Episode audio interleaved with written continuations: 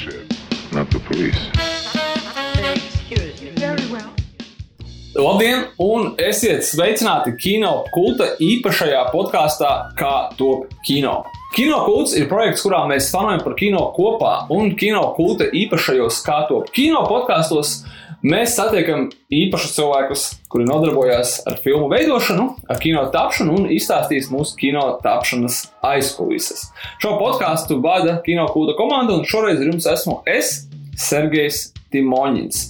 Un īpašo podkāstu kā to kino atbalsta Latvijas mobilais telefons. Paldies viņiem liels par to! Šoreiz pie mums ciemos ir uh, viens no zināmākajiem, un neteiktu, droši, ka zināmākais latviešu operators Valdis Selmiņš.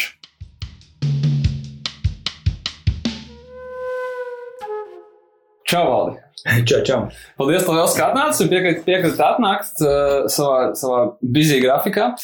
Un uh, pirms mēs sākam, kas ir kino operators? Tāpēc, ka es esmu pilnīgi drošs, ka daudz no mūsu klausītājiem viņi joprojām uzskata, ka operators ir tikai tas cilvēks, kurš ir uzņemšanas valkumā ar kameru rokās, bet tas nevienmēr tā ir. Mm. Un tas operatora darbs sevi ietver daudz ko citu, tā skaitā nevienmēr tu esi arī tas, kurš ir ar kameru rokās. Jā, nu, principā jau kameras šausmīgi vienkāršas. Ar vienu pogu viņi ieslēdz, ar to pašu arī izslēdz. Tā kā tas darbs nav sarežģīts. Bet, eh, bet ja nopietni, tad eh, nu, tā, tas ir ļoti, ļoti atkarīgs no tā eh, projekta, no filmas izmēra, no apjoma un, un no, no žanra, no, no tipa. Jo dokumentālajā filmā operators var būt vienlaicīgi režisors, um, asistents un skaņinieks un viss pārējais un darīt pilnīgi visu, vēl braukt ar mašīnu un, uh, un, un runāt ar varoņiem un pārliecināt viņus, ka viņiem jāfilmēs un, uh, un dibināt attiecības ar viņiem, bet, uh, bet kaut kādā nu, liela mēroga filmā, kurā uzdevumu apjoms ir tik liels, ka tu nevari visu izdarīt viens pats, tad, protams, tu vairāk kļūsti jau par departamentu vadītāju, nevis par tādu reālu izpildītāju. Tad tas, ko tu dari, tu koordinē un, un plāno mm, darbu, to ar režisoru kopā um, izdomā to, to saturisko daļu, un, un tad uz laukuma jau vairāk tā jau ir jau tāda um, nu, kolektīva vadīšana, visa nomotivēšana, de, izdarīt visu tā, lai, lai tas būtu maksimāli īsajā laikā paspēts un padarīts. Bet, uh,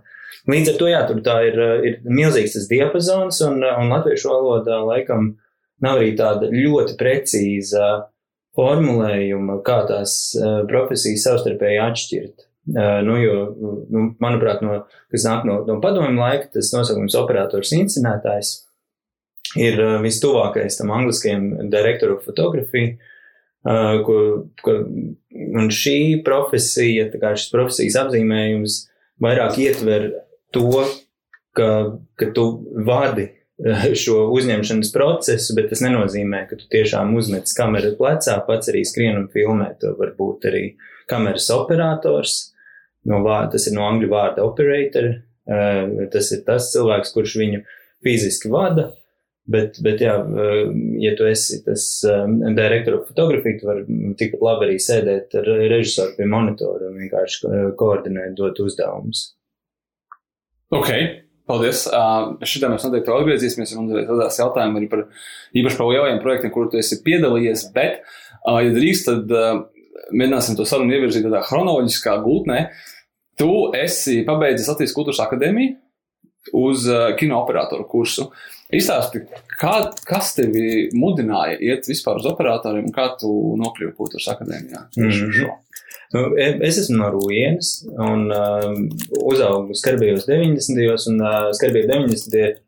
Uh, nu, komplektā ar to, ka, ka tur bija uh, viss ļoti slikti un ļoti grūti, bija arī tomēr diezgan fantastisks foršas lietas. Un viena no tādām lietām bija uh, tas, ka eksistēja um, mazās televīzijas, reģionālās televīzijas. Un, uh, un, un, un seko televīzijas, un tie nav YouTube kanāli, tie tieši tā, tās tiešām ir televīzijas ar savu frekvenci, kurā tiek raidīts reāls saturs un, un ļoti mazām auditorijām. Un līdz ar to tad, um, tajā laikā šo Rojas televīziju vadīja Ivars Zviedrs, um, kino režisors, dokumentāla kino režisors un operators. Un, Un mazpilsētā, protams, ļoti raksturīgi, ka visi prāti aiz, aizplūst pēc skolas, viņi aizplūst prom un nu, īsti nav to, to resursu. Un līdz ar to tas, ko Zviedrs darīja, viņš, viņš savāca sīkos no skolas un strādāja ar, nu, ar, ar bērniem, ar jauniešiem.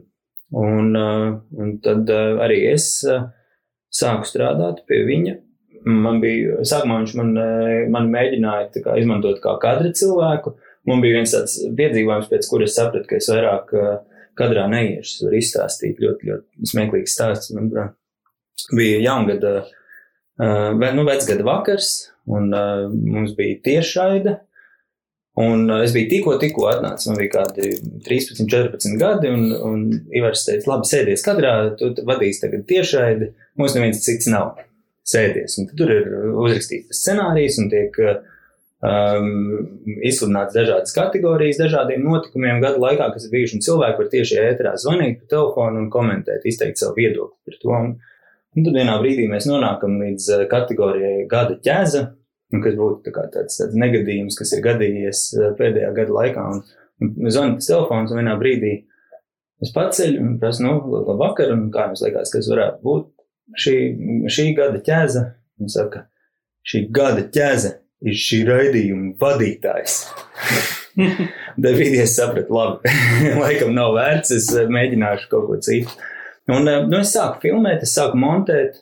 Um, sākumā es īstenībā diezgan ilgi montēju. Um, un akadēmijā es iestājos um, operatoru kursā nevis tādēļ, ka es gribēju kļūt par operatoru, bet tāpēc, ka tajā gadā uzņēmu operatoru. Es zināju, ka man interesē kino, es biju strādājis ar Ansu Epneru, ar uh, ar uh, Ivaru Zviedri, un, uh, un man ļoti patika tas uh, ra radīšanas, kino radīšanas un cilvēka, cilvēka iepazīšanas process, nu tādu to, to svešo dzīvju, dzīvu un dzīvošanu, kur, kur izdodas uh, izbaudīt, nu, kas kā lauku puikam no mazpilsētas pēkšņi uzreiz nonāk dažādās vietās, piedzīvot dažādas emocijas. Tas bija tāds, tāds nu, milzīgs adrenalīns, no kur negribējās atteikties. Un, Sākumā es montēju, bet man ļoti nepatika montēt, tāpēc, ka tas ir ļoti lēns, ilgs, statisks darbs, un es mērķiecīgi bēgu no tā prom.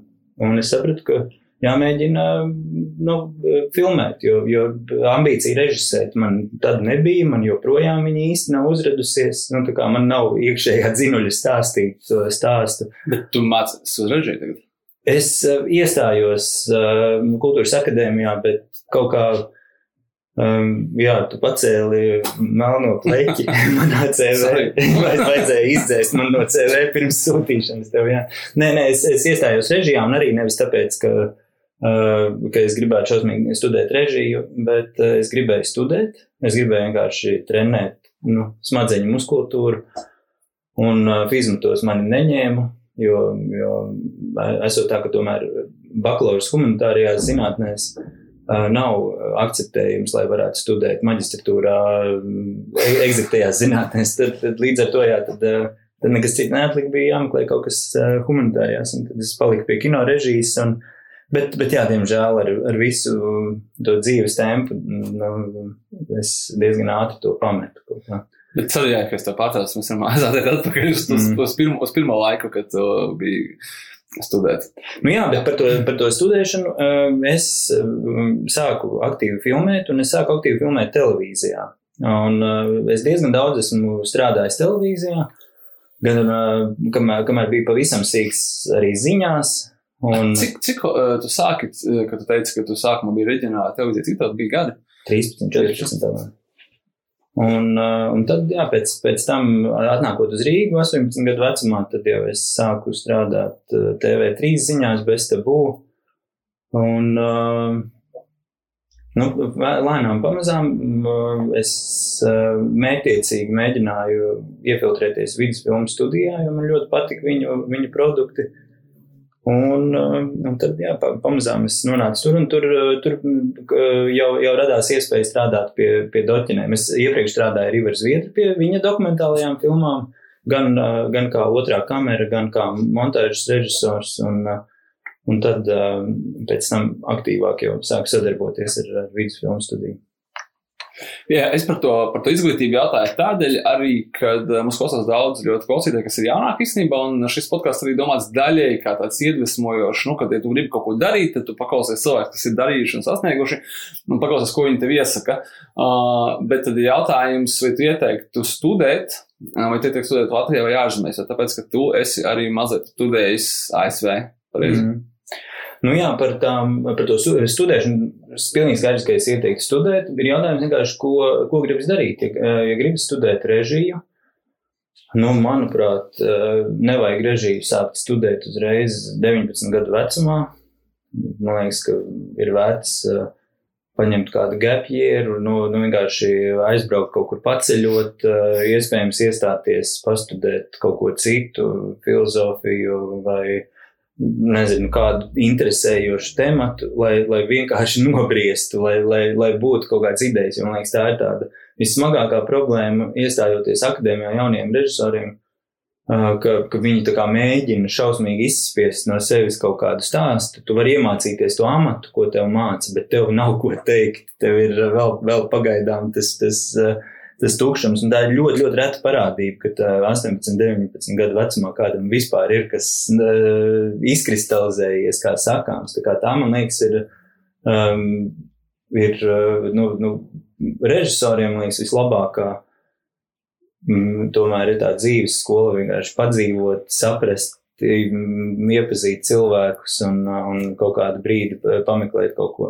Ja jautājums ir, vai, vai studēt Latvijā vai ārzemēs, Tas ir tiešām jautājums, kuru ceļu gribu izvēlēties. Tas, ko, par ko es esmu ļoti pārliecināts, ka, ja studēs kāds ārzemēs, viņam būs ļoti interesanta. Nu, atkarībā no tādas no tādas programmas, ko viņš būs izvēlējies, viņam būs ļoti interesanti, savādāk domājoši kursu biedri, labi pasniedzēji, bet um, tas, tas, kas eh, kā, ir milzīgs pluss, manuprāt, studijām Latvijā un, un arī kā, pirmās filmas uh, uztaisīšanai Latvijā, ka Latvijā tomēr šī finansējuma uh, sistēma ir balstīta uz to, ka jaunie režisori vienmēr var tikt pie sava pirmā darba. Un nekur citur pasaulē tev neviens nekad nedos naudu eh, tavai pirmajai filmai. Bet, ja tu iekļaujies sistēmā, ja tu labi pabeidz skolu, ja tu uztaisi labu diplomu darbu, piedāvājumu diplomu darbam, jau tu dabūsi jau kaut kādu minimālu finansējumu no kultūra kapitāla, no kinocentra. Ja tu esi eh, šajā sistēmā labi iekļāvies un pierādījis tos savus eh, rezultātus, tev ir diezgan droša iespēja tikt pie savas pirmās filmetrāžas, Eh, iespējams ar ļoti mazu budžetu, bet, ja tu atradīsi labu producentu, tas eh, tev, tev būs iespēja strādāt. Atšķirībā, nu, jeb, jebkurā citā pasaules valstī, neviens tevi negaidīs ar taviem pirmajiem simts tūkstošiem tavai pirmajai filmetrāžai. Tā kā tā ir, eh, tas ir tas viens aspekts, uz kuru ir vērts skatīties, ja ja domā ilgtermiņā. Savukārt, ja ir ļoti augstas ambīcijas, milzīga pārliecība, noteikti var iet uh, uzreiz jau bakalauru, meklēt jau kaut kur uh, studēt. Nu, es, es darīju tā, ka es bakalauru studēju šeit, un maģistratūrē es dabūju Fulbright stipendiju Amerikā. Um, bet, uh, bet, bet jā, nu tā ir tā mana personīgā pieredze. Tas, tā, tā, tā jau var būt katram savādāk. Varbūt arī ir uh, atkarīgs no tās pārliecības tiešām. Jo, jo man liekas, es tajos 18 gados vēl neapjautu, vai, vai es gribu būt kino operators, vai, vai, vai montāžists, vai, vai, vai televīzijas operators, vai, vai dokumentālā kino operators. Jo tur ir, jo tur ir tomēr milzīga, milzīga teritorija, uz kurien tu vari aiziet, un to, to tā pa īstam parādīs tā pieredze tikai pēc tam, man liekas. Tur ļoti man uh, interesanti pateikt par to, ka uh, varbūt vajadzētu, vajadzētu iet uzreiz uz režisoriem. Teiksim, no manas pieredzes personīgais parasti ir tā, ka tiešām pavisam, pavisam jauni cilvēki. Viņi iet uh, uz uh, nu, kultūras akadēmiju, pie mums jau no kur īsti citur nu, nevar iet. Lai gan tagad, manuprāt, ir stradiņi, ir izsem kaut kur, nu, kur tu vari mācīties kaut kādas kino saistības, bet es tā laikam neesmu tā vajag nopietni apskatījis. Bet uh, tā doma ir tāda, ka tomēr ej, tāpēc, ka tu tā esi baigais, nu, tu fano par kino, un tu gribi radīt kino, un tur nav man šeit divu domu, kas tu gribi būt. Tu gribi būt režisors, pēc, ka tu gribi it kā stāstīt to savu stāstu. Cita lieta, par to, vai tev ir tas stāsts, ko stāstīt, vai nav. Bet parasti jau vismaz ir, kā minimums, vienmēr ir ilūzija, ka tas stāsts ir noteikti un ka viņš ir ģeniāls un tagad nu, tikai viss notiksies. Bet uh, tas, ko tu laikam pa, pareizi pateici, kad uh, ir, tam ir jānobriest, bet jautājums, ko darīt tajā, nu, līdz tam laikam, kamēr tu būsi nobriest. Tāpēc, ka ir droši vien pamats domāt, ka tomēr režija kino režija ir tur, nu, nu vismaz 30 pusi kaut kas tāds, ka, tev, ka, ka tu esi kaut kam izgājis cauri. Uh, lai nav tikmēr jāstrādā kaut kas cits, teorētiski varētu kaut kur strādāt kino un smelties pieredzi. Vai operatora darbs, vai, montāžas režisora darbs ir kaut kas tāds, kur tu vari mm, skatīties, teiksim, kā strādā citi. Īpaši, teiksim, ja tu esi, ja strādā montāžā, tad tu strādā ar citu cilvēku materiālu, un tu viņu kaut kādā veidā palīdzi, palīdzi salikt kopā. Tādā veidā padarot to par daļēji savu materiālu, savu skatījumu. Tāpēc, kā, teiksim, filmējot citu cilvēku idejas, tu tomēr nu, viņas ieliec kaut kādā savā skatu punktā. Pareizi? Mm -hmm. nu, laikam tas, kas ir pamainījies par šiem nu, 20 plus gadiem, kopš uh, es sāku to darīt. Iemesls, kāpēc es sāku strādāt montāžā un momentāli dabūju ļoti labus darbus, tajā brīdī Latvijā bija, es pieļauju, 5-6 cilvēki, kas ar datoru vispār spēja montēt, jo tur bija jāsavieto divas šīs lietas, spēja, spēju lietot datoru un uh, saprašanu par video, par video formātiem, par, uh, par to, kā, kā vispār šis attēls veidojas. Un, un, un tas, protams, uh, 90. un 14 gadu vecumā bija daudz vieglāk izdarāms nekā 20 un 30 gadu vecumā, jo, jo tai paudzē jau nebija jau zināšanu uh, nu, datoros. Un, tā, tas man iedod tādu handikapu, kāpēc es uh, varēju vispār to sākt darīt. Principā man vienkārši tehnisku iemaņu dēļ uh, radās iespēja. Šobrīd nu, es nevaru iedomāties situāciju, kurā 18-gadīgs čalis atnākot pēc vidusskolas aizietu pie kāda režisora un teiktu, hei, es gribu montēt tavu filmu. Nu, es, es domāju, ka nē, nu, ka viņam būtu sākumā sevi jāpierāda. Bet, ja runā par to, ko darīt, manuprāt, vienkārši ir, ir jātaisa filmas Um, šobrīd nav vispār neviena iemesla, lai, lai nefilmētu filmu ar, ar telefonu, un viņi var samontēt pēc tam pat, ne, pat bez datora. Uh, nu, mazā stāstniecība ir, uh, ir lielisks veids, kā trenēt muskultūru. Um, piedāvām YouTube ir vienkārši fantastisks veids, kā momentāli dabūt feedback, vai tev vispār tas darbojās vai nedarbojās. Nu, labi, YouTube viens, bet uh, bet nu arī citi sociālie tīkli, kur tu tiešām to saturu dabūni ārā pie skatītājiem, momentāli, baigā ātrumā, momentāli saprot, kas strādā, kas nestrādā.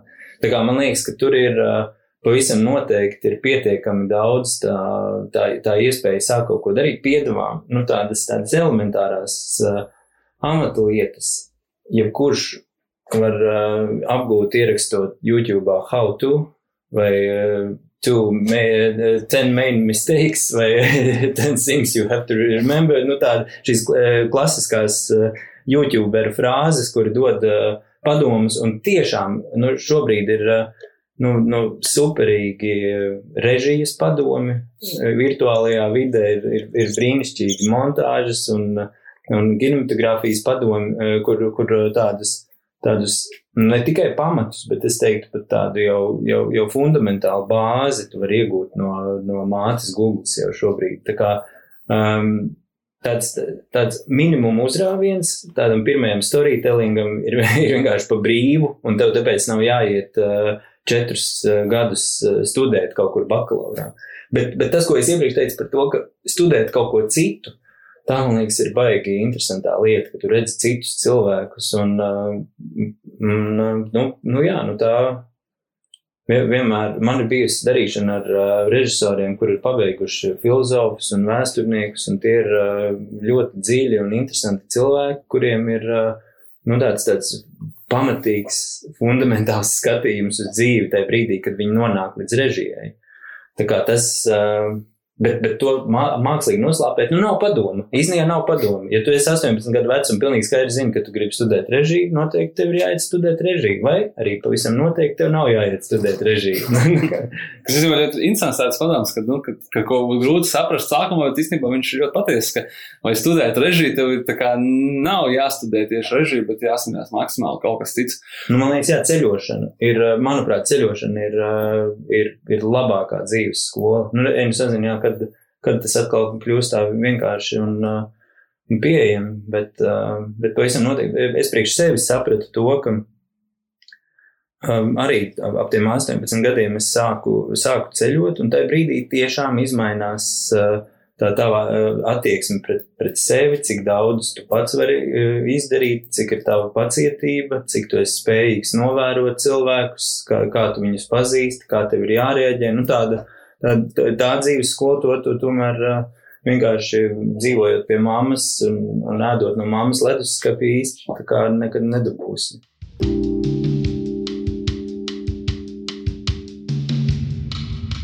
Tu pieminēji to, ka pretēji tavai jaunībai tagad ir neskaitāmas tiešsaistes iespējas kaut ko iemācīties un kaut ko. Bet kā tu pats redzi, teikt, skatoties uz pavisam jauno kaut paudzes strādā, viņi tiešām to izmanto? Ir ļoti, ļoti motivēti, ļoti talantīgi, ambiciozi, pašpārliecināti cilvēki, kuri ir izsmēluši visus resursus, ko viņi var izsmelt paši, un mērķiecīgi iet uz ļoti lieliem mērķiem. Un ir pilnīgi pretēji, ir, ir tādi, kur ir pieraduši, ka viņiem viss ir garantēts, ka viņiem no pirmā brīža ir teikts, ka viņi ir vislabākie, bet viņi neko nekad nav darījuši, lai viņi būtu vislabākie. Tā, tā ir tāda um, nu, diametrāli pretēja lieta, ko es esmu novērojis, un tas lielā mērā es pieļauju, ir, nu, tā kā es pats esmu um, trīs bērnu tēvs, es redzu, ka tā mūsdienu pedagoģijas nu, blakne. Neveiksmīgais variants ir, ir vienkārši pašpārliecināti ar ļoti mazu gribas spēku jaunieši, kuri, kuri grib vājprātīgi lielu atalgojumu, neadekvāti lielu atalgojumu no, no, no pirmā brīža. Jā, tā, tā ir. Tā ir tā, tas novērojums, nu, kas izklausās pēc vecu, vecu cilvēku buršķēšanas, es pieļauju, bet uh, Nu, varbūt, ka var paburšķēt. Cerams, ka, cerams, ka uh, tos atceras tie, tie otri, kas vienkārši izmantos tās iespējas, kas ir un kuras agrāk iespējams nebija.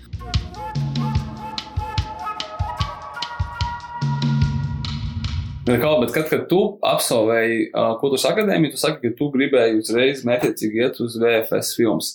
Bet izstāsti, kā, es, es ka tas ir vispār korekts jautājums, atšķirības starp kino operatoru un starp televīzijas operatoru. Kad, eh, kad varbūt tā attieksme, tā kā es tagad studēju kultūras akadēmijā un man tur ir mācīts eh, Felīni un tas un tas, un tagad pēkšņi iešu, no nu, LTV panorāmā tur filmējuši kaut kāds izbraukums sižets, un tā kā par ko mēs runājam, un, ka tas tiek noniecināts kaut kādā veidā. Uh, lai gan no otras puses, protams, kad tu saki VFS filmas, tad ir skaidrs, ka viņiem bija visos laikos tas tā latiņa bija krietni augstāka, ka to uzreiz var pateikt. Bet cik vēl tā starpība īstenībā ir uh, tieši pašam arodam? Mm -hmm.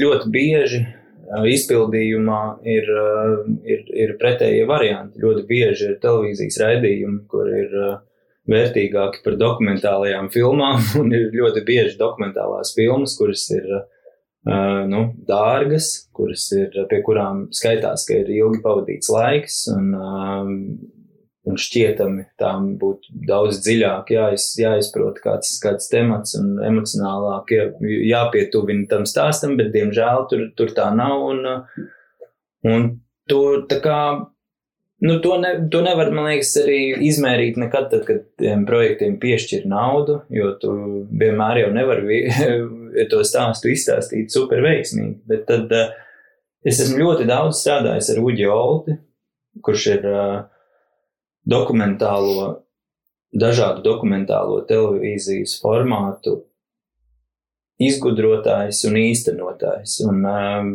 un, un viņš vienlaicīgi ir arī dokumentālo filmu režisors un arī spēļu filmu, uh, režisors tagad, un, uh, un viņš ir ļoti daudz izcilu mūzikas video autors, un, un, um, un viņš vienmēr ir runājis par to, ka, uh, ka televīzijas raidījums ir tas veids, kā tu tiešām ļoti straujā veidā vari dabūt ārā um, tā, tās, tās emocijas līdz skatītājam un līdz li lielam, precīzam skatītāju lokam. Un, uh, un runāt par sev svarīgiem tematiem un um, sabiedrībai aktuāliem. Un, uh, un, un, un tā iemesla dēļ es, es nespēju tā kategoriski noniecināt uh, vienu un, un pacelt pāri otru. Pavisam skaidri zinu, ka es esmu strādājis pie, pie filmām, un tā sajūta, ka tu vari veltīt laiku, lai sagatavotos,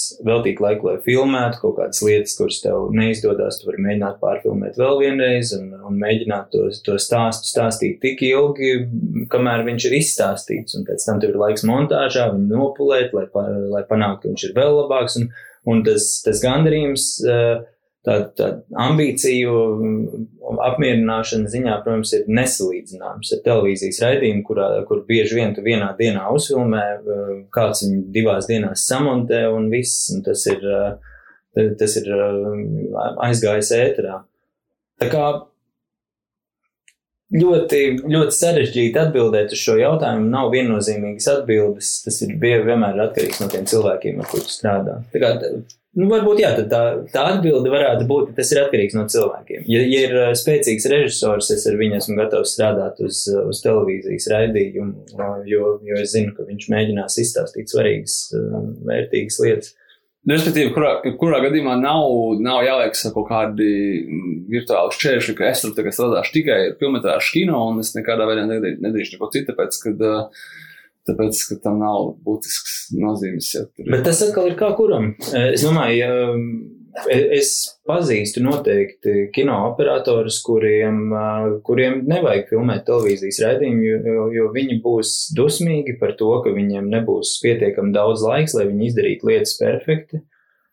Un, um, nu, un es, es pazīstu televīzijas operatorus, kuri nekad, ne, kuri nekad negribēs strādāt pie, uh, pie, pie spēļu filmas, jo viņiem tas liekas vienkārši vaiprātīgi zemē nomests laiks un, uh, un enerģijas tērēšana uz, uz nekā nedarīšanu. Ne? Tā kā tur, tur, tur to robežu grūti pateikt, kas katram jārīkojas tā, kā viņam liekas. Man, man vienkārši. Uh, Man televīzija ir eh, ļoti daudz devusi priekš dokumentālā kino, tādu sajūtu par to, kur, kas kā notiks, cik kādam ir jābūt materiālam, lai, lai tu viņu varētu samontēt, eh, lai, nu, lai, tev, lai tev izstāstītos stāsts, lai tu saprastu, kur tu atrodies. Nu, tāda, tādas, tādas vizuāla storytelling pamatlietas viņas eh, palīdz apgūt. Dokumentālais kino savukārt eh, man eh, pavisam noteikti ir palīdzējis saprast tādu patiesumu, vizuālu patiesumu, kad es ticu un kad es neticu attēlam, un transformējot to uz, eh, uz spēles kino, es jau tad, nu, varu pārnest to no, no, tā, no tā otra žanra, un, un savukārt varbūt, jā, kaut kādā brīdī esot dokumentālā filmā, pieredze spēles kino tev iespējams liek um, izdarīt kaut kādu izvēli un, un nu, nofilmēt epizodi citā vietā, tāpēc, ka tu apzinājies, ka pamainot šo vietu, tu iegūsi spēcīgāku, vizuālāku to, to, to situāciju. Tā kā tur nav viennozīmīgs atbildes. Man, man ir vajadzīgs tas cross formāts, kādam citam iespējams viņš nav vajadzīgs, un tas tikai viņu tracinās, viņš nekur nevedīs. Es tev jautāju, bet tu jau būtībā atbildēji. Kā jau teicu, man atsūtīja savu CV, varbūt uh, varbūt negluži nevajadzētu to darīt, bet, uh, ja pat apskatās tavu filmogrāfiju, tie pašā IMDB vai, vai Latvijas filmu datubāzē, var redzēt, ka tev ir ārkārtīgi daudz darbu, un viņi pie tam ir gan spēļu filmās, gan dokumentālajās filmās, gan īsmetrāžu filmās, gan uh, mūzikas video, gan arī animācijā, kas ir pavisam atsevišķi tās, ko, pie kā mēs vēl pieskāršamies, ko operatori dara animācijas filmās, bet var redzēt, ka tu, laikam, esi mēģinājis darboties pie absolūti visdažādākiem žanriem. Un uh, vairāk vai mazāk tas nāk, tu, esi, tu ļoti ērti un komfortabli jūties visos, jo pēdējos gados tev miksējās uh, filmetrāžu filma, filmetrāžu dokumentālā filma, uh, mūzikas video. Tu visur, visur jūties ērti. Mm -hmm. Tas bija jautājums. jā, drīzāk tas bija tā, ka uh, apstiprinājums tam, bet tu jau pats tikko izstāstīji, ka tas tev. Nu jā, jā tas uh, drīzāk, man, man jā, noteikti jā. interesē. Man, man, man visvairāk par visu man interesē režisori, kuriem ir ko teikt. Neatkarīgi no tā, kas tas ir par formātu. Jā, jo, jo um, es šobrīd strādāju, piemēram, ar Robertu Rubīnu, kurš ir absolūts uh, vizuālists. Viņš stāsta uh, caur video projekcijām sajūtas, un, uh, un, un tas arī ir fantastisks izaicinājums. Kā, um, nu, nomainīt to, pie kā tu esi pieredzis. Ja, ja, ja, ja, ja es strādāju ar dramaturgiju, ar notikumu, kā uz to, lai, lai kadrs, kadrs ved uz priekšu, tad tur ir pilnīgi pretēji. Tev ir, tev ir jāatsakās no tā, un, un tā varbūt arī tāda terapija, jo, jo zināt, ar, ar gadiem visu laiku darot vienu un to pašu, tu pirmkārt notrulinies, ne, neattīsties, tu um, zaudē prieku, varbūt zaudē spēju novērtēt ļoti vienkāršas lietas, kuras, nu, kuras nevajag sarežģīt, kuras vajag uh, tieši tā arī rādīt. Un, un nu, mainot to, tad, tad iespējams, jā, tas palīdz. Uh, pa, man vismaz tas noteikti palīdz pamainīt, pamainīt to savu skatu punktu. Tas, tas bija mans jautājums pirms tam, bet, uh, manuprāt, tas nav kaut kas tāds, ko tu vari izstāt, nu, ne, ieteikt, bet drīzāk tas pašam jāsaprot. Tas bija tas, kad tu teici, ka daudziem televīzijas režis, uh, operatoriem, piedod, nav, nevajag iet filmetrāžu filmās, tāpēc, kad uh, viņi nevarēs uh, tur kadru vienu likt visu dienu un otrādāk. Uh, Man liekas, tas tieši interesanti, ka, nu, kad izēj ārpus savas komforta zonas, ka tev piedāvā, ka tev tagad ir tās divas dienas uz to sēriju, un tev ir jāuztais, un tev varbūt ne tik ļoti ir jāuztais tas pats, ko tu taisi 90 dienu filmetrāžu filmā, bet tev ir jāatvaiž tā kontrola vaļā, ka, teiksim, tur nav jābūt visam tik ideāli, tev nav par to jābasās, bet tev ir jāpabeidz darbs.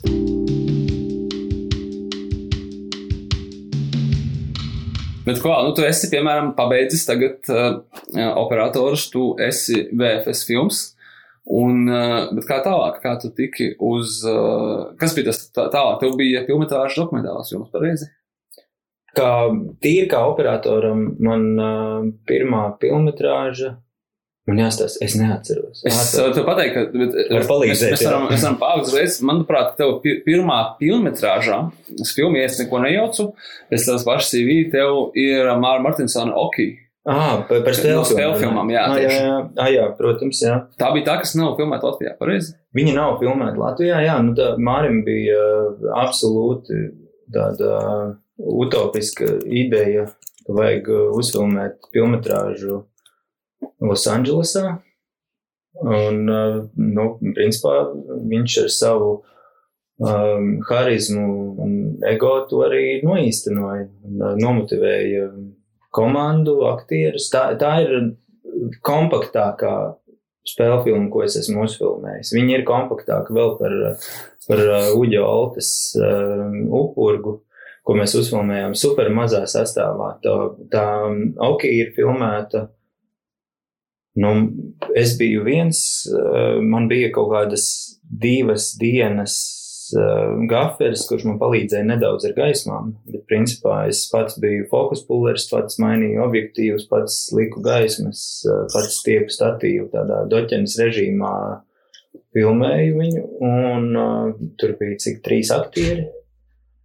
Tur bija viena mm, Lotte Eglīte, kur tajā laikā dzīvoja Losandželosā. Viņa darīja um, visu iespējamo, sākot no make-up, beidzot ar set, dizainu un, un pat kaut kādu produkciju plānošanu. Un Pauls Česters palīdzēja ar, ar, produkciju lietām tādā super, super kompaktā komandā. Mēs, man liekas, septiņi cilvēki kopā bijām. Tā kā var pārvietoties ar vienu vieglo mašīnu. Tas droši vien ir jautājums uh, Mārim vairāk, bet uh, priekš kam? Kāpēc to darīt? Kāpēc? Nē, nu man, man, protams, to darīt tāpēc, lai uh, nu, būtu kaut kāda pirmā filma. Um, viņam, um, nu, lai būtu kārtējā filma. Um, jautājums, kāpēc, man liekas, ir vispār par mūsu profesiju. Tā kā, Bet, uh, nu jā, nu, nu, Mārs ir ļoti saudabīgs uh, filmderis. Nu, nu, tā filma tapa bez scenārija, tā uz improvizācijas un, uh, nu, lielā mērā Kaori, um, nu, šīs Japāņu aktrises tādā pavadā viņa, viņa nu, vienkārši izpaudās šajā filmā, un, un mēs bijām viņai, viņai platforma, kurā to izdarīt. Tā, tāds tad ļoti, ļoti saudabīgs projekts. Es īsti to nes, nenosauktu par filmetrāžu, par filmetrāžu filmu. Es drīzāk nosauktu to par tādu. Nu, Mākslas instalācija. Nu, jā, tā vai, vai instalācija, kur, kuras sastāvdaļa lielā mērā bijām mēs arī visi tā komanda, lai, lai mēģinātu saprast to motivāciju, jā, kāpēc tā notiek. Bet, bet jā, nu, zināmā, tas ir uh, katrā laikā uh, savs, un man noteikti tā bija pieredze, jo es, es pavisam noteikti ieteiktu jebkuram kino operatoram ķerties pie jebkuras filmetrāžu filmas ar vienalga, cik uh, nesaprotamu režisoru, tāpēc, ka tā pieredze, ka tu pirmo reizi izstāsti filmetrāžu stāstu vizuāli un pats saproti to valodu, kuru tu esi izveidojis, un vai viņi darbojās, vai viņi nedarbojās, un pēc tam noved līdz, līdz gala, gala produktam. Tā ir, tā ir ļoti, ļoti vērtīga pieredze, kur tu nevari um, nu, neskatoties citu filmas, nelasot uh, grāmatas, tu nevari iegūt. Un, uh, un tā, tā iemesla dēļ arī, nu jā, ja, ja tev, uz tevu jautājumu, kāpēc, tad man noteikti tas ir uh, pieredzes pēc, jā.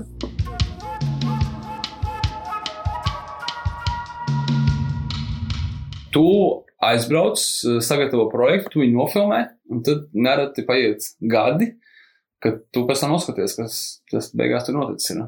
Pareizi. Mhm. Tā vietā, tā vietā, lai, teiksim, filmas režisors dzīvo ar to filmu vēl pēc tam ļoti ilgu laiku, respektīvi, bet tu vari iet, iet pie jauniem projektiem un jauniem un jauniem. Tādā veidā iegūt, piemēram, ekvivalentā laikā, kā es saprotu to režisoru, viņš, viņam ir viena filma, tev ir, nezinu, trīs pro, nu, projekti Mm. vai pieci varbūt. Jā, jā.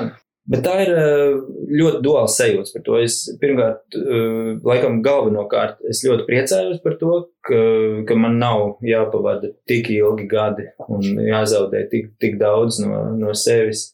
No otras puses, tajā brīdī, kad es beidzu strādāt ar režisoru, jo tajā periodā, kad es strādāju um, uz, gan pirms filmēšanas, gan uz laukuma, man ir sajūta, ka mēs esam tie vislabākie draugi. Nu, tā, tie paši, paši tuvākie, un neviens cits nav. Un tad es esmu nenormāli greizsirdīgs, jo viņš sāk strādāt ar montāžas režisoru. Tas ir tik sāpīgi. Un, un, protams, ko viņi dara? Viņi ķidā tās mūsu iepriekšējās attiecības. Ne? Un, un, Es pieņemu lēmumus bez tevis. Jā, jā, tā, tā ir tā, tāda baigi skarbā lieta. Tā, bet, bet no otras puses ir brīnišķīgi. No es, es varu iet tālāk un, um, un strādāt ar jauniem režisoriem. Tas jā, man ļoti, ļoti patīk. Tas, ko es gribētu tev pajautāt, tev ir atsevišķa sadaļa CV, kas saucās animācijas filmas. Izstāsti mums klausītājiem, kas ir operators animācijas filmām, kā tas darbojas. Mm. Nu, es pieļauju, ka Andersona, tajā Isle of Dogs un, uh, un, un citās lielajās filmās tur varētu būt, ka ir uh, savādāk tie uzdevumi, bet uh, es esmu strādājis ar, ar Nīlu Skapanu tikai nu, uz leļu animāciju. Un nedaudz esmu darījis kaut kādas lietas arī atomārtā pie Edmunda Jansona, bet tās tiešām ir bijuši tādi, nu, tādi, tādi mazi, eh, mazi darbiņi, tā ka visu filmu dara eh, viņi paši, bet nu, es pieslēdzos kaut kādām, kaut kādām epizodiskām lietām, bet eh, ar Nīlu strādājot, nu, Nils ir vājprātīgi pacietīgs, viņš, viņš ir gatavs pavadīt tās nenormālās stundas studijā un, un, un strādāt ar blēlēm. Savukārt es ar Nīlu sadarbojos, nu, taisot gaismas un, un tādu nu, mizanscēnas izkārtojumu, lai, lai izliktu tās lēlas dekorācijā, nogaismotu dekorāciju un, nu, tad, tādā intensīvā darba režīmā tas notiek tā, ka mēs tiekamies tur, nu, nezinu, trīs, četras reizes dienā. Um, mēs uzliekam kopīgi kadru, viņš viņu nofilmē. Tad, tad es atgriežos pēc pāris stundām, uh, uzliekam nākamo kadru, viņš viņu nofilmē. Nu, tādos uh, ne tik intensīvos tas notiek tā, ka, nezinu, tur viņi, pieņemsim, reizi dienā. Viņa, viņa nu, arī ir sarežģītā. Citreiz ļoti sarežģīti kadri, kad uzliec kadru, viņš tur uz nedēļu, uz divām strādā ar, ar vienu setupu. Uh, nu, tā, tā ir tā gaismošana. Otra lieta ir, nu, tāda. Um, kustīgā, ki- kinētiskā operēšana, panākt to, ka kamera kaut kur setā pārvietojas un, uh, un, un to visu sinhronizēt ar animāciju. Un, un dažreiz tā, ir kaut kāda slāņošana, atdalīt vienu lietu no otras, uh, nogaismot fonus līdzīgi, kas tiek fotografēti atsevišķi no priekšplāniem, nogaismot, lai viņi būtu līdzīgi. Un tā, tas ir uh, da, darbs ar gaismām. Uh, nu, jā, tas, ko droši vien uz, uz, uz spēlfilmas laukuma darītu gafers, Jo, jo tur uz animācijas tad es varu pats arī tiešām likt fiziski tās gaismas un, un novietojumu. Man, man, man atkal ļoti patīk tā, tā sajūta, ka es varbūt arī uz tām lēlēm kaut kur um, saprotu gaismas raksturu, kaut kā atkal, kas man var noderēt, uh, varbūt spēļu filmā. Tā kā tāds atkal kaut kāda interesanta teritorija. Bet tas īstenībā, laikam, sanāk tuvāk tomēr filmētāšas kino, tāpēc, ka tur ir fiziski lēlis, tur ir fiziskas gaismas, un, un tu tur nu, izgaismo, un jā, vienkārši tas ir, teiksim, tā kontrolētāk. Nu, un tur arī ir montāža, un, nu, tāda klasiska mizanscēnas montāža, ka tev ir ļoti jāmēģina pēc iespējas ekonomiski arī izstāstīt to stāstu, jo, nu, ne, nevis nokaverēt, ka tur būs pilnībā no tā virziena, pilnībā no tā, jo, jo tas ir vaiprātīgs darbs, tā animācija ir eh, ļoti, ļoti smaga. Un eh, nu, tur tai precizitātei ir jābūt vajag, ka tu zini skaidri, ka tajā brīdī viņš pagriezīs galvu, pateiks to frāzi, tad pēc tam būs tas, kur tas jau skatīsies uz turieni. Nu, tāda, tāda tomēr eh, ļoti precīza plānošana. Bet, bet jā, nu tas, tā, tā, ir, tā ir forša interesanta teritorija. Man ļoti patīk. Tev būtu itčīgi pamēģināt arī zīmēt animāciju, piemēram, vai trīsdimensiju? Nu, nu, nu zīmēt animācijas nevar, nevar iedomāties, ko es tur darītu. Man bija, teiksim, kaut kādā brīdī šoks, ka es sapratu, ka uh, Pixāram bija ok, tā trīsdimensija animācija, bet viņam ir kopš kaut kādas filmas, viņam sākās, ka viņam ir uh, photography. Jā. Es domāju, ok, nu, tie lieli projekti, bet tad, uh, ko viņš tur, ko viņš tiešām tur dara, jo Tas līdzīgi kā ar lēlēm, liekas, ka, nu, tā kā Nils taču var pats, pats salikt tās lēlas, viņas nekustās, tad uzliec, nu, tā kā viņš zina, ko viņš grib redzēt kadrā, viņš uztais to kadru, un tad viņš iet tālāk, kā priekš kam viņam kāds savu vajadzīgs. Bet, uh, jā, gaisma, gaisma, izgaismot uh, ainu, tas ir trīsdimensijas animācijā tas pats, kas, mm. kas, kas tā. Nu, jā, bet skaidrs, ka, lai, lai to darītu 3D animācijā, būtu jāapgūst programmatūra. Nu, es laikam. Nu, droši vien baigi atkarīgs no izaicinājuma. Ja man, man kāds to tagad uh, piedāvātu, tad es par to domātu. Bet arī, uh, es domāju, vēl viena lieta, kas ir ļoti svarīgs uzdevums uh, DP tajā uh, 3D animācijā. 3D vidi jau nekad nerenderē pilnībā.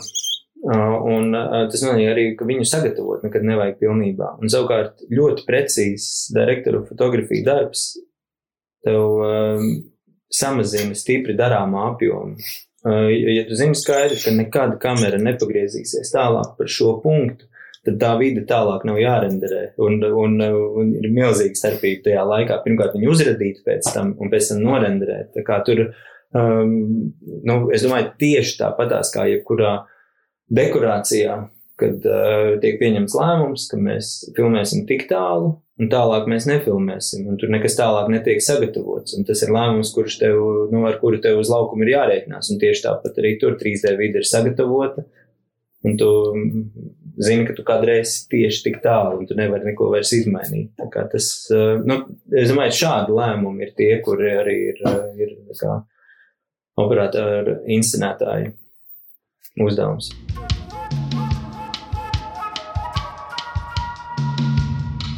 Mēs runājam par šo, par dokumentiem. Kas ir galvenā starpība, teiksim, ka tevi aicina filmēt mūzikas video?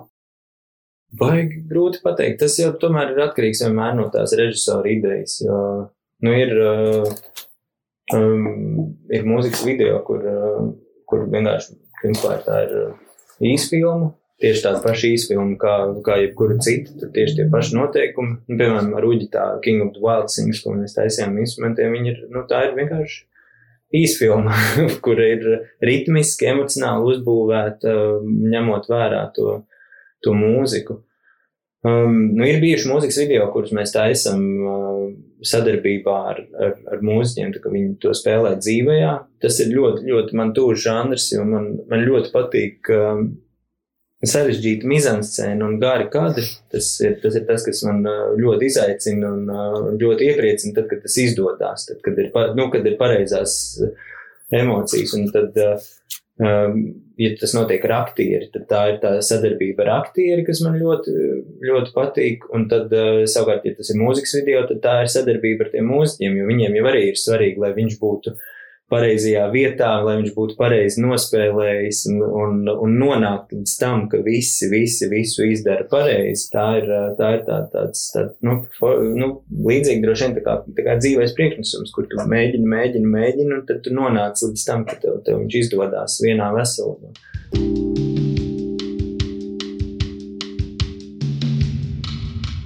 Bet tu filmē reklāmas? Nu, baigi nefilmēju vairāk, bet tas nav tāpēc, ka es negribētu filmēt. Vienkārši, eh, nu, es neatsakos, es labprāt daru kaut ko, bet man nav milzīga pieredze. Aha. Es jautāju, tāpēc, ka, nu, teiksim, nu, kā labi vai slikti, vai tur, teiksim, nu, kā mēs runājam par zemāk, augstāk, bet tādēļ, ka es aizdomājos par to, ka Latvijā ir īstenībā daudz režisori, kas specializējās tieši uz reklāmu un būtu īstenībā pilnvērtīgu kino neiet. Ir režisori, kas tā es piemērošu kino un droši vien, ka brīvajā laikā, ja arī, nu, iztikai tā, tā es arī reklāmu, bez ka mums vienkārši maz cilvēku, tas ir cilvēkais ir. Un, un tas līdzīgi dažkārt ir mūzikas video, bet man radās jautājums, vai ir tik ļoti fundamentāla starpība starp uh, reklāmas operatoru un ne reklāmas operatoru, un vai Latvijā ir iespējama šāda specializācija, vai viņi ir vajadzīgi, tavuprāt, teiksim, kad ir cilvēks, kas specializējas tikai uz, piemēram, reklāmu filmēšanu. Mm vai mūzikas video. Hmm. Jo pasaulē noteikti tā ir, kad, kad ir cilvēki, kas dara tikai to, un tad viņi attiecīgi, kā saka, katrai, katrai šiem videi ir ļoti savu, savu kaut kāda specifika. Bet nu, viens ir specifika, man liekas, otrs ir kontakti. Arī, jo, jo nu, es pazīstu reklāmu režisorus, kuri strādā ar uh, reklāmu operatoriem, bet vienlaicīgi tas pats režisors, kad viņš strādā uz savu spēļu filmu, viņš arī strādā ar to pašu operatoru. Jo, principā, man liekas, vairāk par, par tādu segmentāciju, um, nu, tajā žanra un, un, un uzdevuma ziņā ir, ir tiešām tie personīgie kontakti. Man liekas, ka, ka tas, kurš strādā ar uh, cilvēkiem, kur viņam patīk, viņš ar viņiem strādā neatkarīgi īsti no formāta. Un, un tad vēl viens iemesls, kāpēc varbūt tie, kas vairāk strādā vienā žanrā un kāpēc viņus izvēlās, jo tu, jo tu zini, par ko tu maksā, tu zini, ko tu saņem, ka tas uh, rezultāts būs kvalitatīvs. Jo šis cilvēks, uh, kur, kurš regulāri strādā, viņš zina, kas būs, kādas būs aģentūras prasības. Vienkārši neizies kaut kādas liekus apļus, kad uh, kādam nav kaut kas skaidrs, tas tā ir tāda, tāda droša izvēle, man liekas, um, strādāt ar, ar, ar zināmām lietām. Bet arī vēl viens iemesls, es domāju, kāpēc ir uh, nu, tie reklāmisti, kas tiešām arī strādā. Uh, reklāma ir iespēja um, strādāt ar, ar diezgan sarežģītiem tehniskiem uh, un, un, un dārgiem tehniskiem paņēmieniem. Savukārt tie prasa arī pieredzi. Nu, ļoti laba, dārga gaisma, ļoti specifiska, dārga filmēšanas tehnika. Ja tu ar viņu neesi strādājis un strādā ar viņu pirmo reizi, tomēr nu, es, es noteikti arī kā, kā darba devējs izvēlētos kādu, kurš jau ir filmējis tik apjomīgu gaismošanu, nekā paņemt kādu, kurš, nu, teorētiski jau viņš droši vien izdarīs, bet pieredze, realitātē pieredze viņam nav. Tā, tā iemesla dēļ, es domāju, tas arī tā kā turpina vēlties. Tev ir tā pirmā pieredze, un viņa tev dod tālāk iespējas, ja tu esi drošāk izvēle nekā kāds, kurš to nav mēģinājis. Nu, jā, ka tas dārdzība, ka tu vari nofakapot baigi viegli, un tā kā tad filmēšanas dienas nāk diezgan dārgi šajā procesā.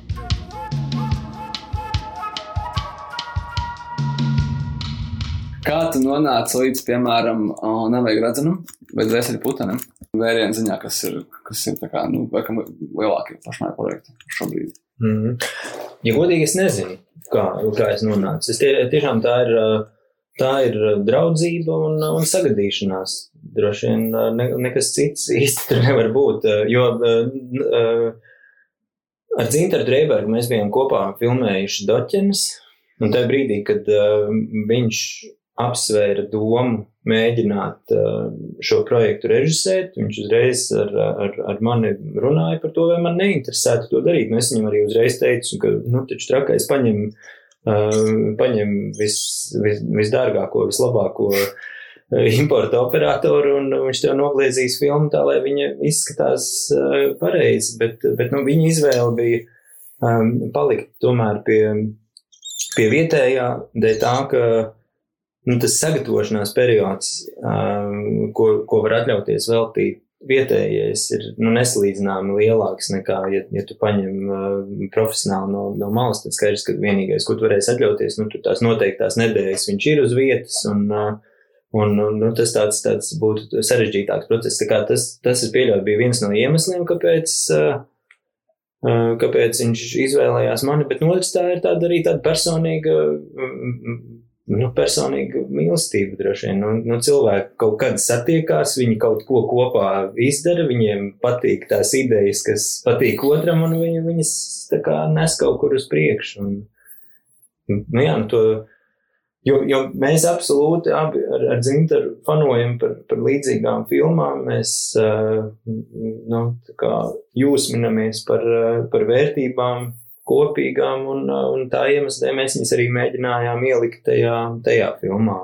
Un tas, tas, tas arī droši vien ir tas iemesls, kāpēc, kāpēc viņš ir izvēlējies. Jo tas, jo tas vienmēr ir tāds, tas, tas ir režisora izvēles rezultāts vienmēr. Es pieņemu, ka tev ir uh, uzdota visi iespējamie jautājumi par dvēseli puteni. Kas tev palika, vis, varbūt šobrīd, atskatoties uz pirmajā gadā uz šo projektu un uz viņa tapšanu, kas ir tas, kas bija visspilgtāk palicis pāri? Par aparātā, nevis pāri tieši no procesa.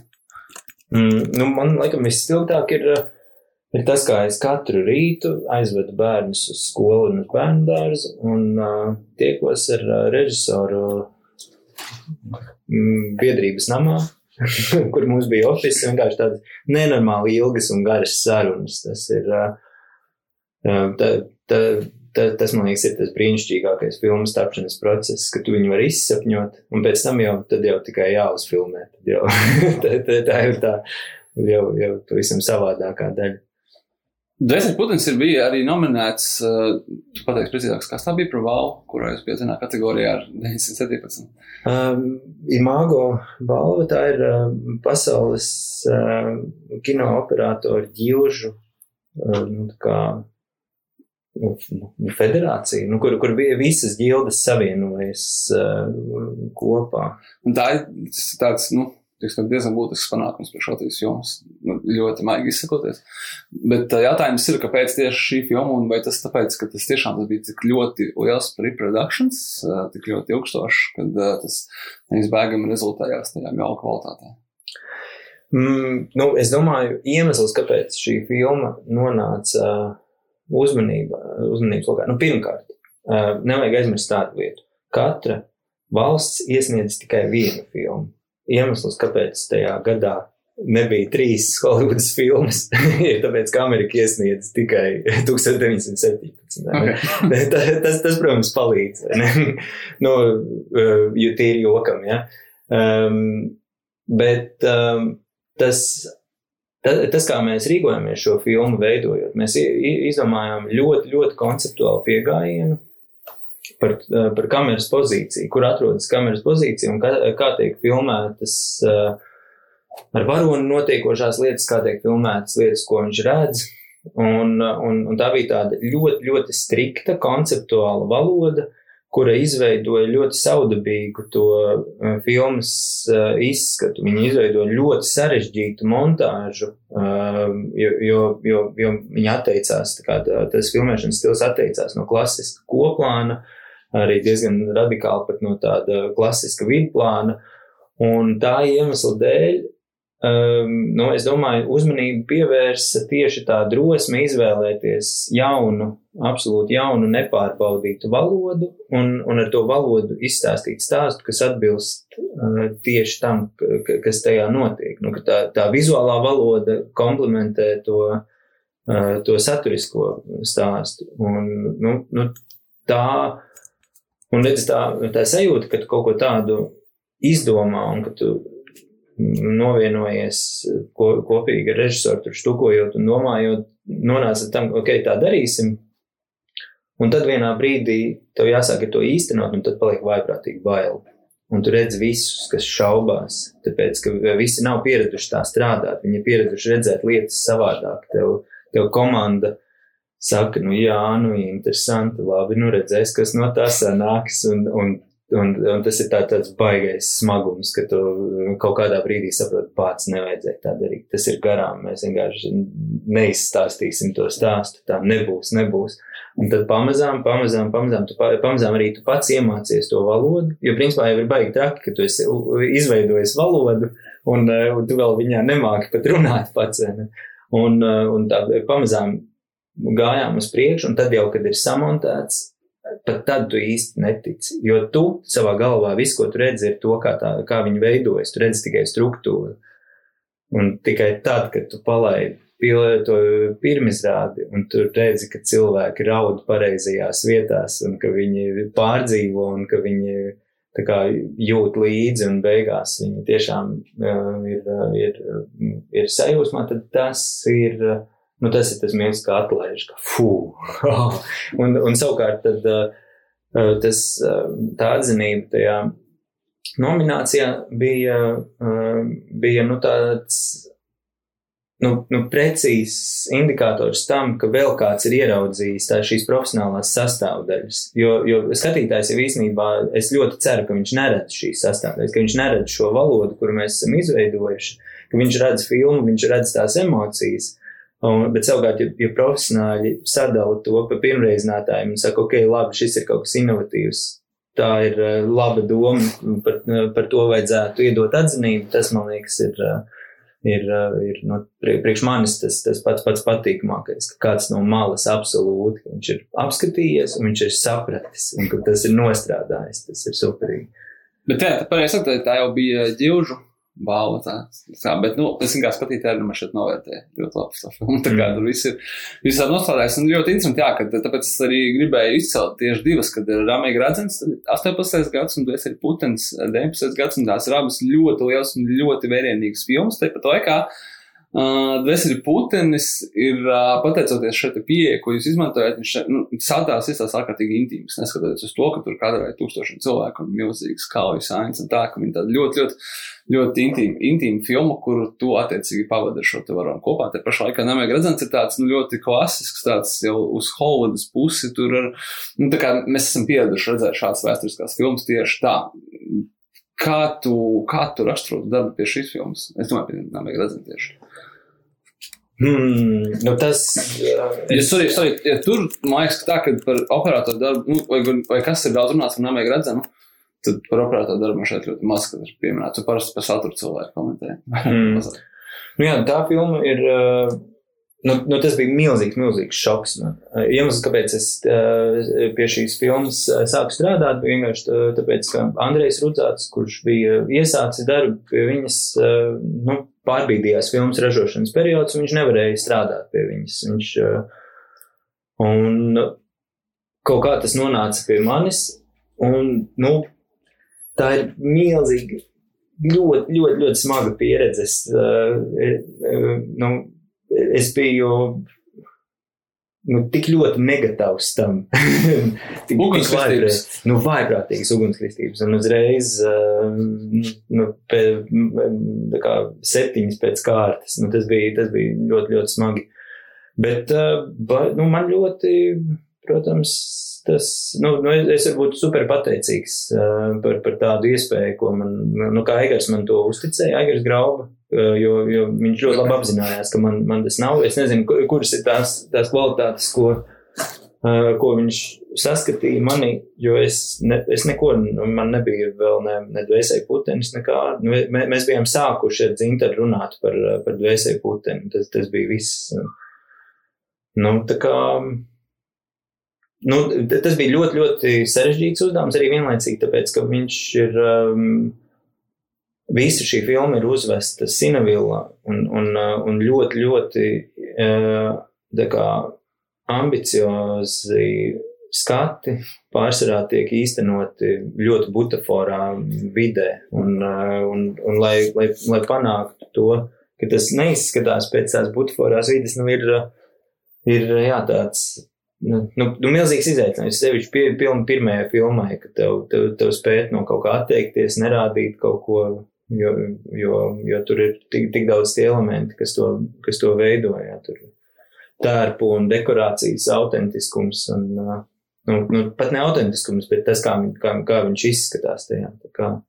Bet ļoti grūti man runāt par šo filmu, jo, jo zin kā, man liekas, ka uh, tas, tas kino operatora darbs, viņš ir uh, tik vaiprātīgi piesātināts, un, un ja mēs visu laiku saglabātu visas tās emocijas, kas mums ir visu laiku paturētu, man liekas, mēs sen būtu nojūgušies, un man tāds sajūta tā kā to līdz spodam ir.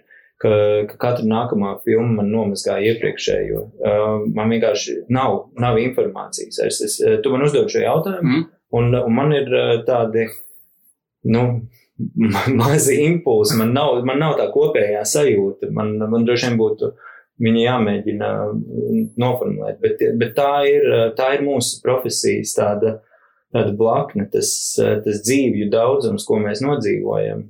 Tas ir, uh, tas ir kaut kas neaptverams. Tu bieži vien uh, doķinē izdzīvo uh, nu, nu, to kopā ar tiem saviem varoņiem ļoti smagus kaut kādus periodus. Un, un uh, es domāju, ka to ir grūti saprast cilvēkiem, kuri, kuri ne, nestrādā tādā veidā. Un arī, arī spēles kino tu esi, tu tā kā iluzori visu laiku esi tomēr tās pasaules sastāvdaļa, kuru tu filmē. Tu tur, tu tomēr esi viņā iekšā un visas tās bieži vien gan šausmas, gan, gan, gan skaistumu tu viņu tomēr piedzīvo. Un doķene arī ir, uh, nu jā, tas, tas ceļošanas daudzums, viss tas krājas un krājas, krājas, un vienā brīdī tas tā kā kaut kur sāk, sāk pazust, paliek tikai pats pats spēcīgākais. Jā, pirms tam bija tas jautājums, ka varbūt Aigars pie tevis bija atnācis tieši tā, kā tu pirms tam biji minējis par to animācijas filmu gaismošanu. Viņš padomāja, ka rekursēs Džeks, viņš jauns, viņš man, viņš man uztaisīs dārgāk nekā man īstenībā ir. Viņš palīdzēs man tā kā, mēs būsim tikai, ši, tikai šito sienu, un, un tad, tad man salika kāda tā, ka man, kad es ietaupīšu, tas izskatīsies daudz dārgāk nekā tas. Jo tā filma izstāsta riktīgi, riktīgi dārgāk nekā man īstenībā ir. Nu, tā ziņā, ka tā jau atvēršu filmu, tad izskatās ļoti, ļoti krūta. Mm -hmm.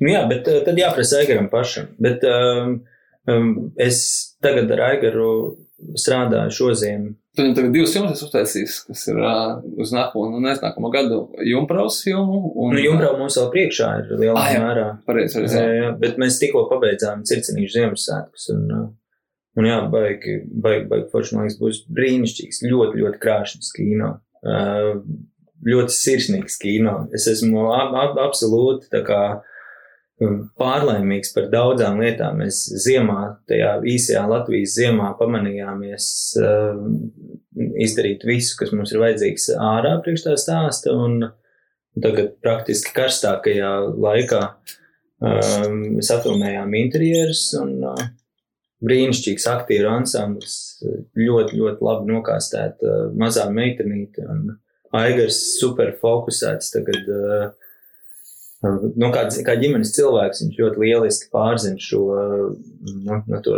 ģimenes organismu, par kuru ir arī tā, tā, tā komēdija. Tā es esmu, es ne, ar nepacietību gaidu.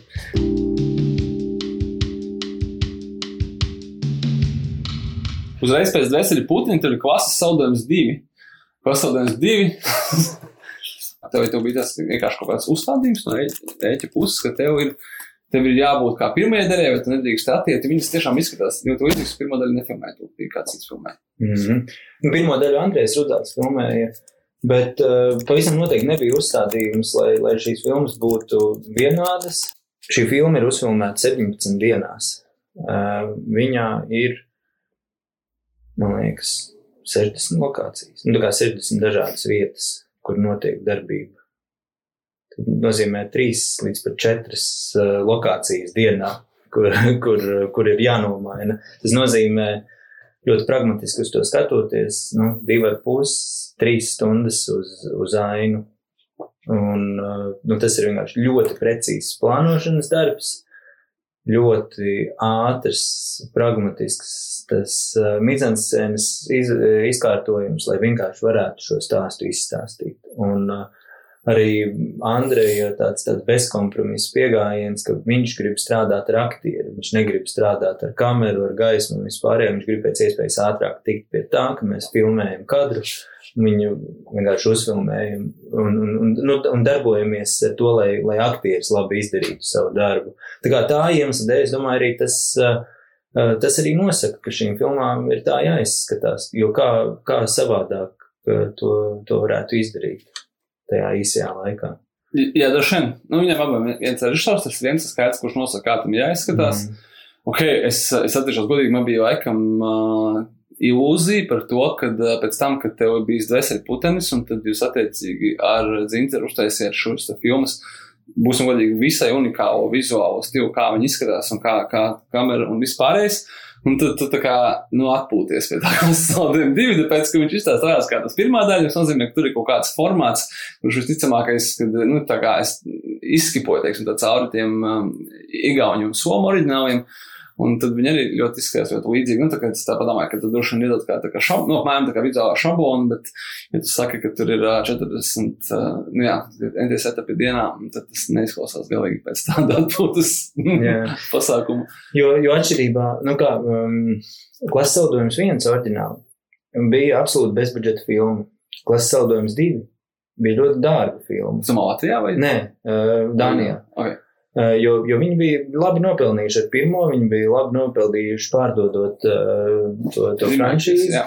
Un, uh, un viņi ieguldīja diezgan nopietni otrajā filmā. Un, un tāpēc viņā arī ir tik, tik vaiprātīgi daudz to lokāciju. Un uh, savukārt uh, Andrejs viņu no, nolēma īstenot šeit. Tur jau uh, nu, nebija nekāda atšķirība. Latvijā viņai vienalga ir jāmaksā tik, viņai, tik cik viņai ir jāmaksā. Un, un, un es tiešām tā kā bez, bez, bez jebkāda snobisma, ar, ar visu cieņu, uh, saka, ka, ka Andreja spēja uzražot um, saturu, kurš cilvēkiem ir nepieciešams par tik mazu naudu, un, uh, un lai, nu, lai, lai tiešām tas arī rentētos. Jo pretējā gadījumā pie tās mūsu mazās valodas nu, nav jau jēga uzražot dārgāku filmu, ja tu viņu nevari atpelnīt. Jo, jo tā nav, tas nav valsts uh, finansēts kino, kur tev nu, tas, uh, tā kopējā skatītāja bilance ir tikai peļņas daļa, vai ne? Tas šajā gadījumā ir, ir, ir nu, ja, ja viņi sevi neatpelna, tev, tev nav iespējams viņu uzražot. Tā kā tā ir, um, tas ir ļoti, ļoti sarežģīts uzdevums. Tev ir jāiespiež tajās dienās, tu saproti, cik daudz tu vari atļauties tērēt ļoti uh, kompaktā, īsā laikā un, uh, un, un viņu dabūt gatavu. Bet es, es ļoti izbaudu to arī to noteikumu maiņu. Man patīk, man patīk tas, tas izaicinājums, ka man ir ar gaferi, man ir jāstrādā pilnīgi savādāk tajā brīdī. Mēs, mēs domājam to, kā, kā tiks nākamā aina jau priglaitota, lai tajā brīdī, kad mēs aizējam uz turieni, tur jau viss, lai būtu nu, tāda, tāda, tāda praktiskā puse. Man arī liekas ļoti, ļoti interesants izaicinājums, ka tu nu, nu, tu, tu saproti, kā tu to vari dabūt gatavu. Jo tas tavs uzdevums jau vienmēr ir izstāstīt stāstu. Jo pats sliktākais, man liekas, ir, ja, ja, nu, ja, ja par uzdevumu tu izvirzi, nu, īstenot savas ambīcijas, jo tad, diemžēl, tu to filmu nevar, nevar izstāstīt. Tev ir, tev ir tās noteiktās dienas, noteikti resursi, un ar tiem arī ir jāstrādā.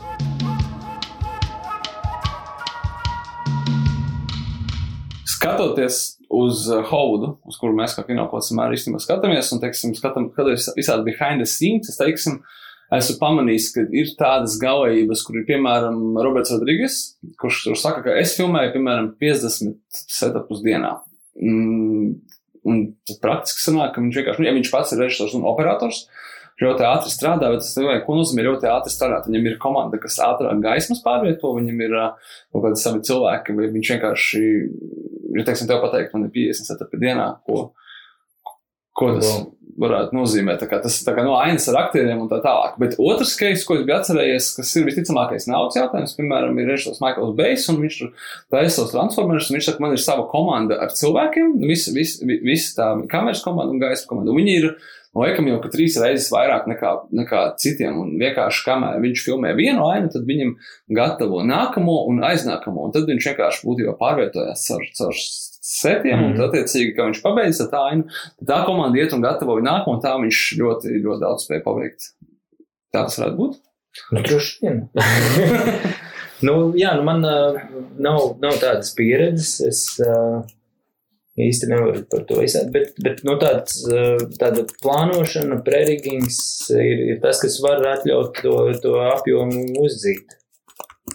Un, uh, un arī var atļaut uh, nu, nu, ne, neiziet uz kompromisiem vizuāliem, ka tu zini, ka tu arī kaut kādus trikus ieliksi, ka tu konceptuālas lietas ieliksi iekšā, lai, lai tas tiktu noizsnāts. Bet jā, nu, tas ir vaiprātīgs sagatavošanās darbs. Bet uh, Vai izmaksas? es domāju, ka tā pati galvenā lieta, kas to nosaka, kāpēc viņi tā dara. Tajā brīdī, ja tev galvenais aktieris maksā dārgāk nekā četri uniti, kas tev divus setupus uz priekšu gatavo un vienu setupu uz atpakaļ vāc nost, nu, jo, jo tad, tā, tas ir tas variants, Mhm. kā tev, tev, tev jābūt tiešām tiem um, četrām paralēlām komandām.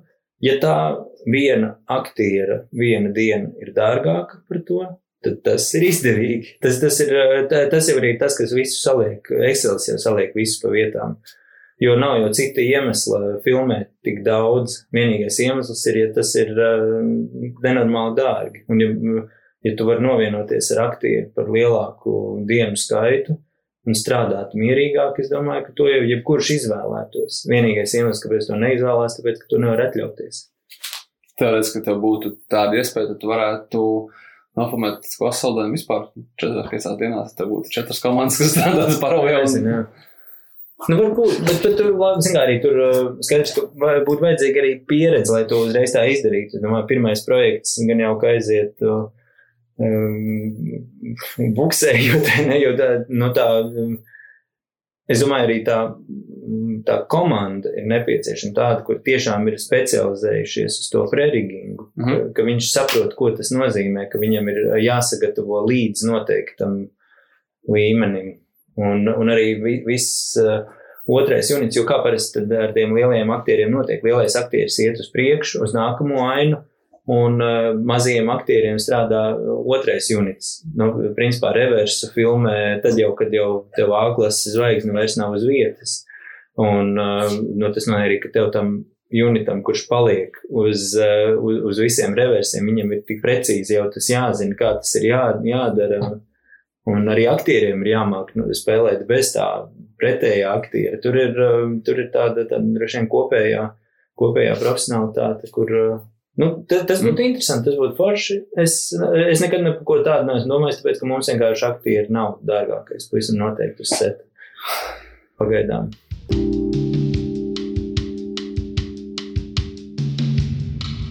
vai pēc uh, Namaga redzena un īpaši pēc dvēseli puteņa, tev bijuši piedāvājumi ārzemē kaut kur strādāt pie kaut kāda starptautiska globāla. Es pavisam noteikti neatteiktu. Nu, man ir bijušas vairākas sarunas ar vairākiem režisoriem, bet, uh, diemžēl, nu, iepriekšējie pusotri gadi nu, nu, diezgan noslaucīja visas iespējas kaut kādām koprodukcijām. Līdz ar to uh, par Ameriku es neesmu šobrīd neko ne, nerunājis, nedomājis, jo man nav nekādu konkrētu mm, piedāvājumu, bet, bet jā, kaut kādas eh, mazākas Eiropas filmas un, un Krievijas uh, kino, nu, tā kā teorētiski kaut kas uz, uz perimetru bija, bet tagad, uh, tagad vajadzētu sākt ieguldīt enerģiju droši vien vēl vienreiz, jo, jo principā tā, tas gads aizgāja tā hibernējot. Dažs jau, kad, bet pēc apstākļu Covid dēļ vienkārši, nu, kad, uh, kad ja tu nevari nekur aizbraukt, tad viņi vienkārši paņem kādu citu. Nu, jā, sa- protams, jā, paņem vietējos. Nu, jā, loģiski. Bet eh, tā viena lieta, kas, kas teorētiski eh, ir, nu, kā, kā, kāpēc vispār notiek šo te starptautisko komandu veidošana ļoti bieži, ir, eh, ir Eiropā eksistē šis eh, minoritārais eh, co-production finansējuma princips, ka, mm, ka valsts savstarpēji sadarbojās, un tas noteikums, eh, ko, ko parasti dara, ir, ka tomēr atdod kādu no radošajām pozīcijām. Ja, ja filmē Lietuvā filmu, tad um, paņem latviešu operatoru vai latviešu komponistu un, un tad tādā veidā iegūst šo, šo koprodukciju. Tā kā tāda veida produkti, pro, projekti ir teorētiski tā, tā iespēja kaut kur sadarboties, bet, uh, bet jā, šobrīd ir tāds, tāds sarežģīts laiks, kur, kur visas kārtas visiem tika sajauktas. Es domāju, ka neviens īsti ne, ne, neapjauta, kā, ka tā tam jānotiek.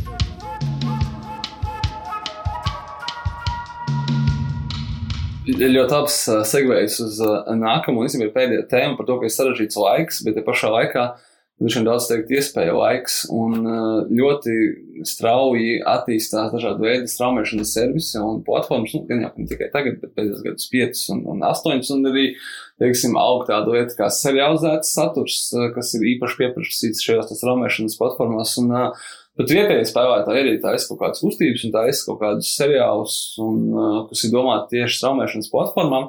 Kā tu to skaties, teiksim, un kā tu skaties uz to, kad tavs darbs kā operatora tiks patērēts visticamākais nevis uz liela ekrāna, kur tu visticamākais pirms tam esi gājis un, un gan studijā, gan kaut kādā šaurumā, gan pašā kinotēdī testējis, kā tas izskatīsies līdz mazākajām detaļām. Tagad cilvēks skatīsies uz mobilo telefonu, bet ne, mēs nezinām, uz kuru, uz četrām, solām, astoņām, uz, mm. uz, uz, uz Android no Ķīnas vai uz jaunākā iPhone ar retinas displeju un tā tālāk. Respektīvi, nekādas kontrolas par to tev vairs nav. Un vai tas kaut kādā veidā ietekmē to, kā tu vispār veidosi kadru, veidosi attēlu. Tā.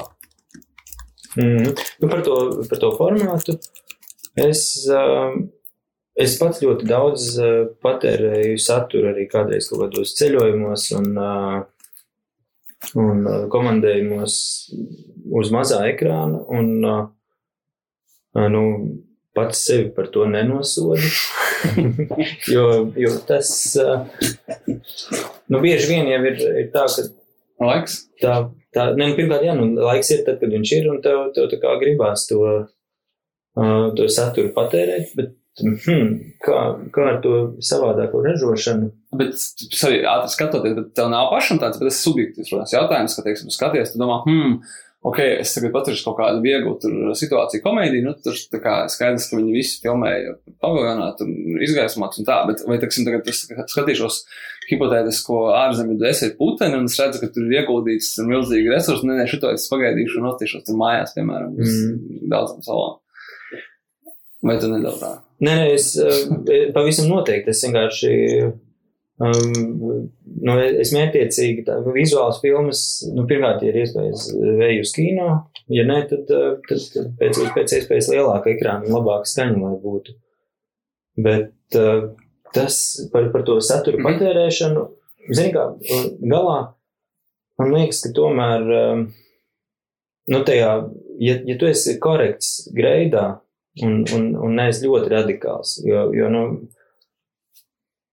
principā jebkurš ekrāns tomēr daudz, nu, daudz labāk nes tādu. Nu, nu, nu, nodod pamatinformāciju, viņš daudz labāk nekā, nekā projekcija, jo projekcija ir daudz riskantāka. Ja, ja uztaisīs kaut ko pa tumšu vai pa gaišu, tad, tā, tad tur nebūs nekas, un tur būs, būs ļoti slikti. Man liekas, tomēr to, tas vidējais ekrāna nu, vidēja ekrāna kvalitāte jau mūsdienās, liekas, ir ļoti kvalitatīva. Ka vairs, vairs nav tomēr tā, ka mm, melnbaltais televizors vai, vai, vai lielā kaut kāda plazma izdegusi. Nu, tomēr nu, datora ekrāna lielākā daļa ir kvalitatīvāka nekā te, nu, televizora šobrīd. Tas, tas ir.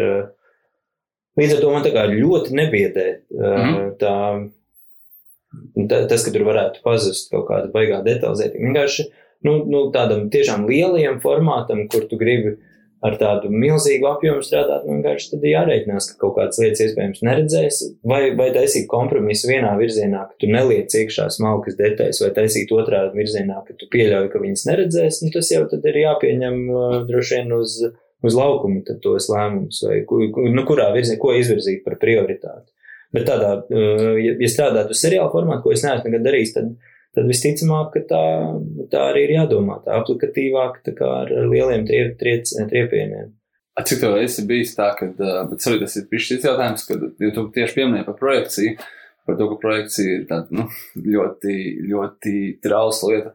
Cik tev ir bijis bieži, ka tu skaties pats savu materiālu no pats sudrabrāļa, tā kā viņiem kaut kas tur pa tumšu, pa gaišu kinoteātrī, un tā kā šitais vispār galīgi nebija tāds domāts. Un, Nē, es, es par to joprojām neesmu sapratis. Tā man ir uh, absolūti uh, ķīnas ābets, kā, kā lai vispār līdz tam nu, ja nonāk. Jo ir tik daudz tie posmi, kur ir uh, potenciālā kļūdas iespēja, uh, ka eh, nu, ka vienmēr vainot to, to projekciju nav, nav iespējams, jo tu, tu, tev iespējams ir tā kļūda jau bijusi iepriekš. Tā kā, nu, nu, te, un tas ir arī tas, ko es teicu par to, ka vajag pieņemt izaicinājumu un um, filmēt filmas. Tāpēc, ka jo vairāk tu viņus uztaisīsi, jo vairāk tu viņus dabū gatavas un dažādākas. Nu, tagad uh, viena filma ir ļoti gaiša, kontrastaina, tad nākamā ir tumša un maskontrastaina, un tad tu tomēr uztaisot vienu, ieraugot, kā viņi izskatās, uztaisot otru, tu saproti to, to uztveri, kāda ir tava uztveri, kāda ir citu cilvēku uztveri uz to. Tā kā tā Un, un to savādāk tu īsti nevari iegūt. Tu, tu ne, aizejot uz citu filmu, tu nekad nezināsi, vai viņi tā gribēja uztaisīt, vai viņi tāda ir uh, sanākusi netīšām. Tikai pie savas filmas tu zinās, ka tu gribēji tā, bet sanāca savādāk.